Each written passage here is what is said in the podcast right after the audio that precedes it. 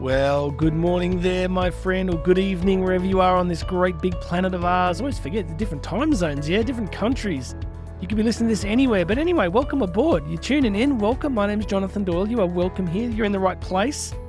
If there is something inside you that wants to grow and develop and improve, well, then you have definitely come to the right place. This is going to be a great episode. You're going to get so much out of this. We're going to talk about controlling the controllables. It's a really important message. I've got some good stuff for you. Please make sure you've subscribed to this podcast. Hit that subscribe button. Go check out all the links. My Instagram links there, my LinkedIn links there. And if you want me to, if you're like to book to me to speak live as a speaker, even though that sentence was mostly incoherent, there's links here about how you can book me for coaching and how you can book me for speaking. It's all there. Go check it out. All right, I want to talk to you about controlling the controllables. We live in a complex, complex technological planet world society system do we not? The amount of stuff coming at us. I saw something the other day from a research university in California that it was something crazy, like 32 gigs of raw data information coming at us a day. However, they worked that out. And I said to someone the other night at dinner, I'm like, you know, if you think about, I think it was only 100 years ago, the average American slept something like 13 hours a day you know, just before the advent of electric light in our homes, we went to bed early, there was no televisions. So it's only very recently as a species that we've been inundated with this vast amount of data coming at us, right? So much complexity, so many challenges. So if you are anything like me, there have been moments in your life, have there not, where you felt overwhelm and stress. And what do we do with that? Well, today's message is going to be about this. We're going to talk about controlling the controllable. One of the fastest ways to get yourself really stressed and unhappy is to try and be in charge and control of just about everything. Is to try and feel that you've got to be across absolutely everything, and if you're not juggling all those balls and dealing with every single issue, then everything is going to fall apart. Well, we're going to help you with that today. Now, I last week I was talking about some of the psychology of Alfred Adler who I really like. And one of his key principles was this idea of the separation of tasks. This was a core philosophy of Adlerian psychology.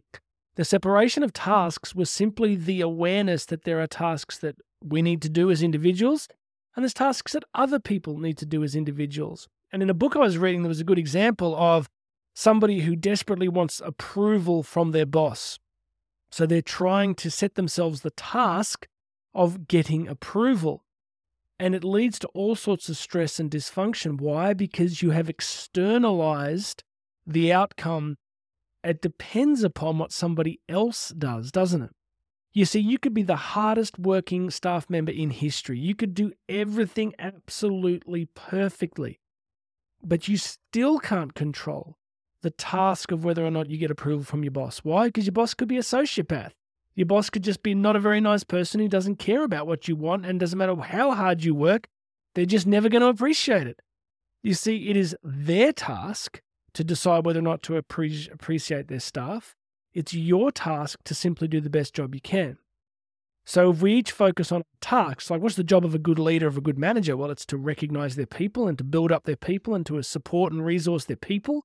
That's the task of the leader or manager. What's the task of the employee? Well, the task of the employee is to do the work that they've been given to do as best as they can. Do you see what I'm getting at here? There's tasks. And if you mix them up and if you externalize aspects of your life into someone else's control, things start to go really bad. So, if you want to start really flourishing and moving forward and growing in life, what you need to do first is to get really clear on what's the stuff that I can control. I want to give you an example. There was a time in my life where I was dealing with so many problems and so much stress. We had business problems, we had parenting challenges, we had, I lost track. It was just one of those seasons in life where everything was really, really difficult. And I remember that I was training a fair bit and I was in the gym a lot. And the gym became a real refuge for me. Why? Because it became one of the only places where I felt I had control. So I started to really focus on training as hard as I could, literally turning up with the right nutrition, the right mindset, the right music, the right program.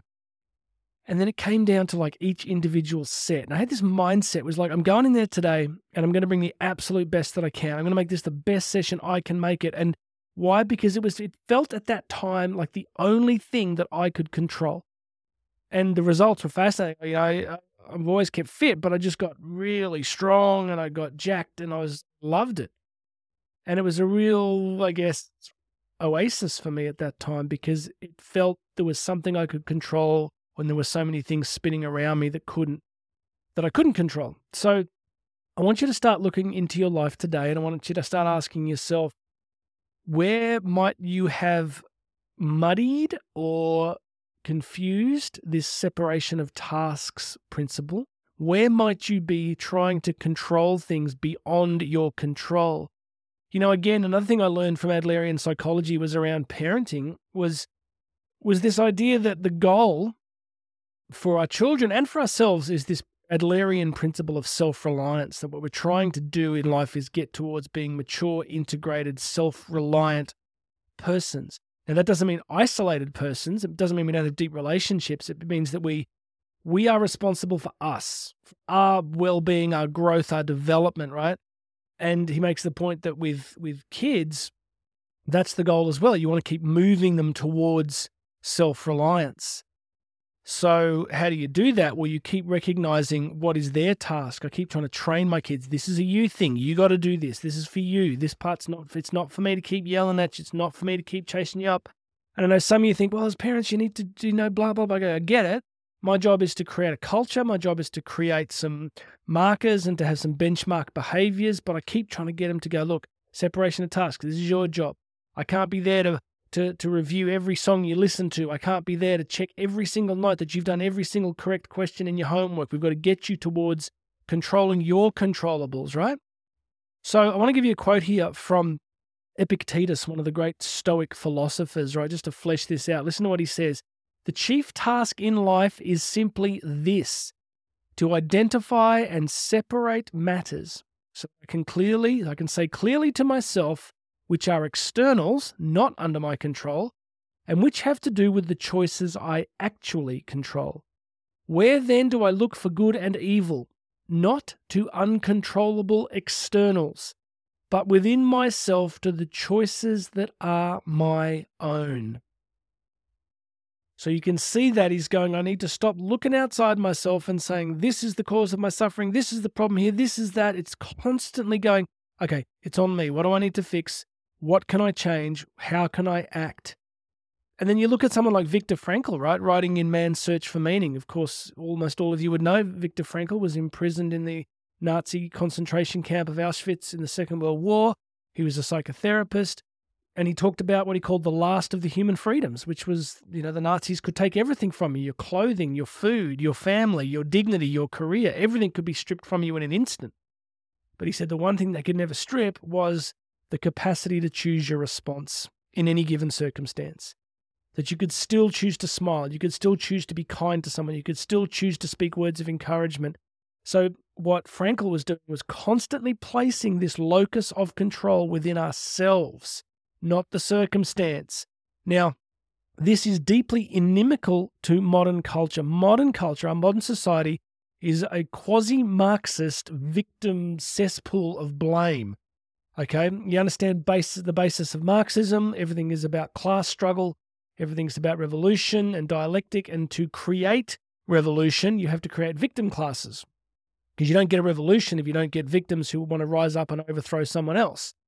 So the essential nature of Marxism is around victim status, right? You've got to basically convince yourself or a group of people that they're being terribly treated and everything's going to be great if they just rise up and overthrow their oppressor uh, unfortunately, Marxism did lead to the death of about 160 million people in the 20th century.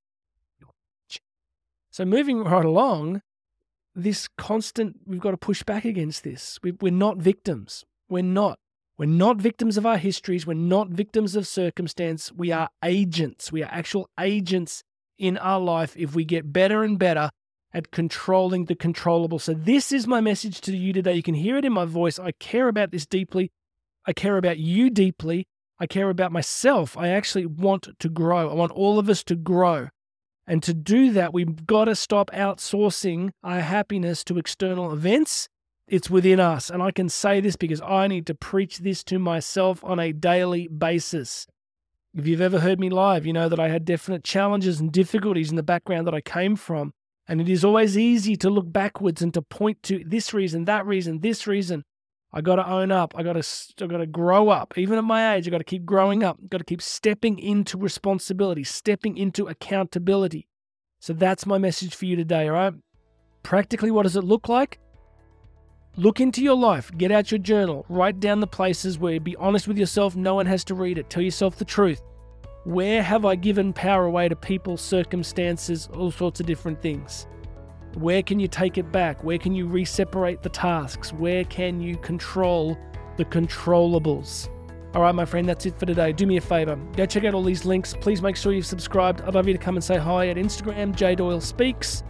Uh, come and say hi on LinkedIn. The links are all there. And if you like what you're hearing today and you want me to come and speak to your staff, students, people in your business, conferences, I want you to go check out that speaking link, how to book me to speak, because it is my great joy to be on stage, to be in a room with people and just get them going, to target what matters and make things better. God bless you, my friend. This is Jonathan Doyle. This has been the Daily Podcast, and you and I are going to talk again tomorrow.